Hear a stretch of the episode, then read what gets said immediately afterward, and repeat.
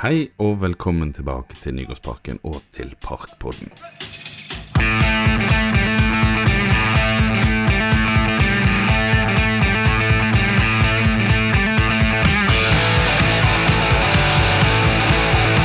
Vi skal fortsette mysterieserien vår om mammutreet, men jeg trenger litt slappere smittevernforskrifter for å kunne snakke med de rette personene som jeg har lyst til å snakke med. Så Derfor så kjører vi like greit i gang med en ny serie, og den skal handle om gatemat. Og det er noe vi holdt på med en god stund oppe i Øvre del av Nygårdsparken. Egentlig av eh, nødvendighet, men også fordi Vi liker det, og vi syns det egentlig er ganske kult.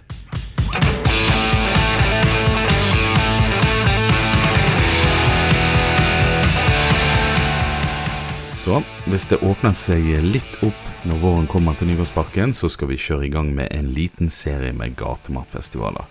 Og det hadde vi planlagt i 2020, og vi håper virkelig at vi får det til i 2021. Og en form for gatemat som vi da gjerne har lyst til å invitere tilbake til parken, det er matvognene eller foodtruckene. Nygårdsparken var det første stedet som tillot foodtrucks i Bergen kommune. Og denne episoden skal handle om hva en foodtruck er, og vi skal se litt på historien til det her fenomenet. I de neste episodene skal vi introdusere alle foodtruckene én etter én. Vi skal snakke litt om hvilken type mat de lager, og så skal vi snakke med personer bak disse flotte matvognene for å høre hvordan de sjøl ble bitt av gatematbasillen. Det er vanskelig å finne en presis definisjon av hva en foodtruck er. Noen kaller det gourmetmat på hjul, andre kaller det en glorifisert kiosk på hjul, men i det store og hele så kan vi vel være enige om at mobilitet det er noe som i hvert fall definerer en foodtruck. Foodtrucken har en lang historie og har som alle kjære barn mange navn. Det er vel nesten mulig å spore dette fenomenet helt tilbake til hjulets oppfinnelse, og vi kan kanskje se for oss en variant av foodtruck med hest og kjerre, eller til og med en trillebår for den saks skyld.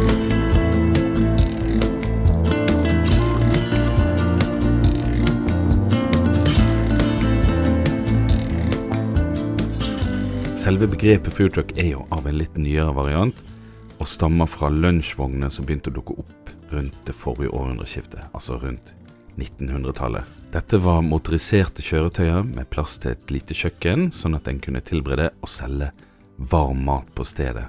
Og disse var nok etter modell fra militære kjøretøy, hvor de fungerte som mobile kantiner for en hær som kanskje var på frammarsj. I begynnelsen så var det her noe som skjedde utenfor store fabrikker, i havneområder og også andre steder hvor store folkemengder samlet seg på et visst tidspunkt, men som gjerne ellers var helt øde eller folketomme.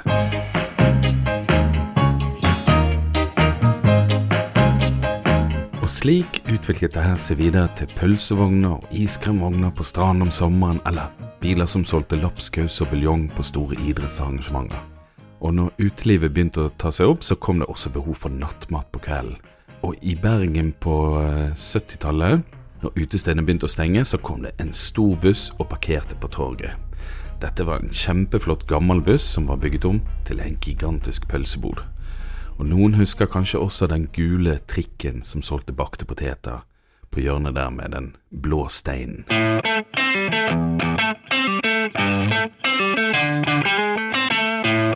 Så nå kan vi se et par nye elementer vi kan fylle på foodtruck-begrepet.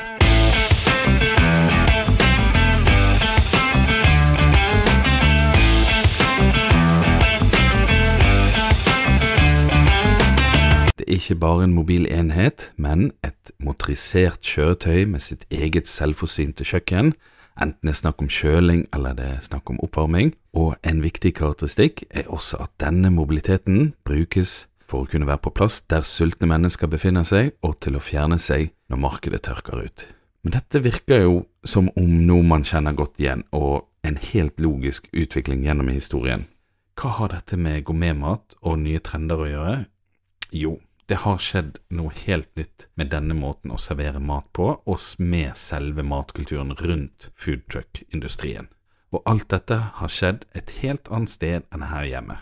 Vi har kanskje ikke merket det, men i de offentlige byrommene eh, våre så eh, har det faktisk ikke vært tillatt med denne formen for kamikaze-virksomhet, hvis jeg kan kalle det for det. I Bergen forsvant plutselig den lille gule trikken som solgte bakte poteter en dag, og det var ikke fordi de ikke ville, men det var rett og slett fordi at plutselig så var det ikke lenger tillatt. I USA, Canada, England og mange andre land så fortsatte denne praksisen uavbrutt videre, uten at den var noe særlig i mattrendenes rampelys. Men forventningen man har til hva en foodtruck leverer av kvalitet, det har endret seg radikalt de siste 20 årene.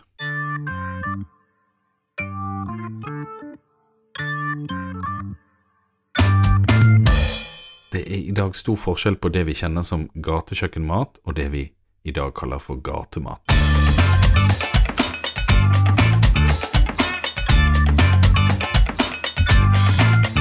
For at dette skulle skje, så måtte det selvfølgelig en stor historisk begivenhet til. Og det var den store økonomiske krisen i 2008 som gikk spesielt hardt utover restaurantnæringen. Ikke ulikt det vi opplever med den situasjonen vi har i dag. Og spesielt hardt rammet var USA, hvor mange restauranter ble stengt akkurat i denne perioden. Restauranter stenger hele tiden, og nye selvmordskandidater de spretter opp som par Men denne gangen fantes det ikke penger eller investorer til å starte nye. Men det fantes mange arbeidsledige kokker, og flere og flere av de satset på et mye billigere alternativ, nemlig food trucks.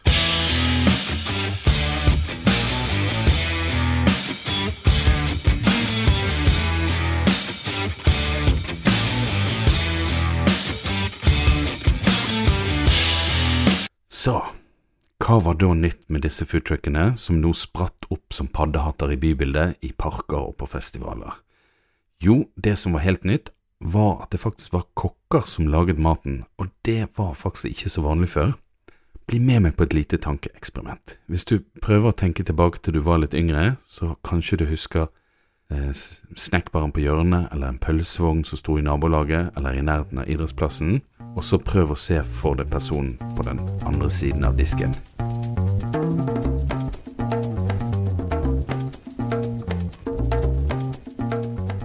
Ser du en eh, strøken, dobbeltspent kokkeuniform, en person som møysommelig anretter pommes fritesen din med hansker og legger på ett og ett grillkrydderkorn med en pinsett?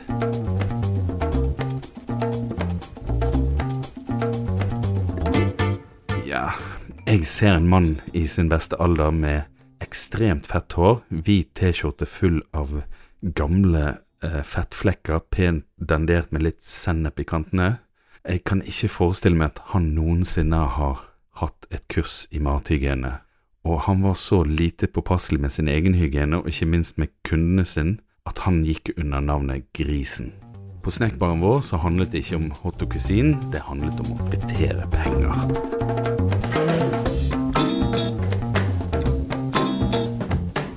Så det som skjer når kokkene, og noen av de kommer faktisk fra ganske så flotte restauranter, begynner å koke i trøkkene, er en transformering fra frys- til frityrkulturen til noe helt annet. Først tømmer de frysen og erstatter vareutvalget med friske og ferske ingredienser. Men det skulle fremdeles være forholdsvis billig mat, så billige stykninger blir brukt, litt i henhold til den nese- og halekulturen som hadde oppstått like før, altså nose to tail. Gamle klassikere ble hentet frem, justert og skrudd på til de fremsto som intense smakseksplosjoner pakket inn i perfekte teksturer. Det helt rette tilbehøret her, den rette crunchen der, og stadig på jakt etter å perfeksjonere, utvikle og finne opp nye tilberedningsteknikker eller smakskombinasjoner.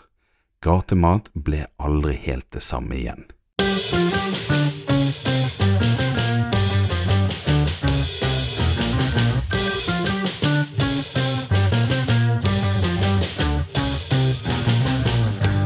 Men den fornyede interessen for gatemat ble ikke båret frem på fire hjul alene. Det kunne en se på menyvalget til de første foodtruckene. Det var selvfølgelig mye pulled pork og hamburgere på menyen, men de virkelig spennende tingene ble plukket opp i første rekke fra land hvor gatemat ikke hadde blitt degradert til industrialisert gatekjøkkenmat. Og det kom gjerne fra de nærmeste landene, og noen hadde allerede fått fotfeste blant emigrantene i USA, sånn som taco og min ultimate favoritt cubansk sandwich. Sør i Europa var det fremdeles eh, tradisjon for servering av enkel, men utsøkt mat fra gatehjørner, vogner og noen ganger i boder på de flotte matmarkedene som var der. Og der eksisterte det også en levende tradisjon for gatemat av høy kvalitet. Noe som kanskje har en sammenheng med at de gjerne tilbringer litt mer tid sammen under solen enn vi gjør her oppe. Og herfra så ser vi da at det dukker opp pasta, churros, bagetter, franske pannekaker og gyros fra Hellas, og det begynner faktisk å dukke opp foodtrucks med vedfyrte pizzaovner.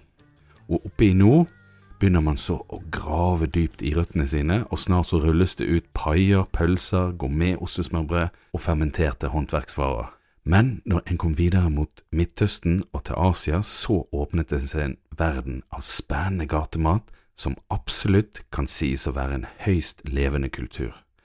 Og når disse to kulturene møttes, så eksploderte de i et karneval av nye og spennende smaker.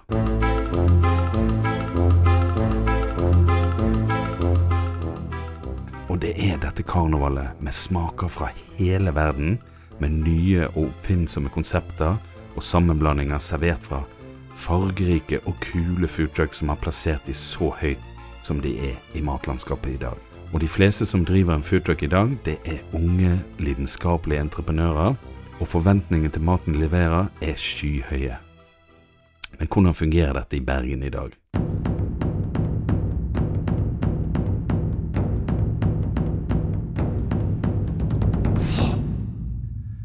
Norge var seint ute med å slippe det her løs i byrommene sine, og Bergen var langt ifra den første kommunen. Den store internasjonale foodtruck-hypen den hadde allerede lagt seg når Bergen kommune i mai 2019 slapp foodtruckene til for første gang. Det hadde nok vært ganske mange og snust litt på fenomenet og så gjort noen små fremstøt framfor Mattilsynet og kommunen uten å komme noe særlig vei. Det fantes noen foodtrucks selvfølgelig i Bergen allerede, men de ble mest brukt på festivaler, så det var kanskje litt naivt å tro at de skulle sprette fram fra ingensteds og så fylle byrommene med en gang. Kommunen hadde i likhet med Oslo kommune et regelverk som kanskje regulerte litt for strengt for hvor en kunne stå og når en kunne stå der. Vi prøvde jo tidligere å lage en slags definisjon av hva en foodtruck var, og vi var vel enige med oss sjøl om at den grunnleggende karakteristikken av en foodtruck, det var at det var et selvstendig fungerende kjøkken plassert i et motorisert kjøretøy som oppsøkte kundene der de var. Vi kan sikkert også legge til en forventning om at kjøretøyet har blitt pimpet på en spesielt original og fargerik måte, som samsvarer med menykonseptet, og at en forventer mat som er enkel å spise, både stående og gående, men at den skal være fersklaget, oppfinnsom og av høy kvalitet. I Nord-Amerika og delvis i England så står foodtruckene ganske fritt til å velge hvor de står. De må søke om en lisens, og gjerne også ta et kurs i mathygiene hvis de da ikke allerede er utdannet som kokk. Når det formelle er i orden, så får de noe de kan klistre på bilen, og det beviser at de er godkjente, og så kan de på en måte fare ut i den store verden. Men de må selvfølgelig stå lovlig parkert. De kan ikke ha serveringsvindu ut mot trafikken, og de kan ikke hindre ferdsel på noen som helst måte. Og så må de stå et visst antall meter fra nærmeste restaurant eller serveringssted. Europeiske byer er litt annerledes enn nordamerikanske byer. Det er ikke så lett å bare finne en ledig parkeringsplass og rigge seg til. Byrommene er smale og gamle, og de store åpne plassene er ofte vernet av historiske årsaker, og parkene er ganske gjennomregulerte. Noen har løst det her med at de har satt av større områder og parkeringsplasser rundt omkring i byen som bare foodtruckene kan bruke. Noen lar foodtruckene bruke disse litt sånn som de ønsker, og andre, som her i Bergen kommune, så bestemmer vi hvor de skal være og når de skal være der. Foodtruckene i Bergen på sin side er heller ikke så selvstendige enheter som de gjerne er på andre steder. De har eksempel alle behov for å kunne koble seg til et strømunntak, og noen ønsker også til og med å kunne koble seg til vann. Dette legger vel ikke så mye til rette for den form for kamikaze- og gorilla-forretningsvirksomhet som en gjerne forbinder med foodtrucks, verken fra kommunen eller foodtruckene sjøl sin side. Men dette føler jeg at vi må snakke litt med foodtruckene sjøl om, og i neste episode så skal vi snakke med Pasta og Basta, og vi skal snakke litt med kommunen for å spørre de hva er det de egentlig driver på med.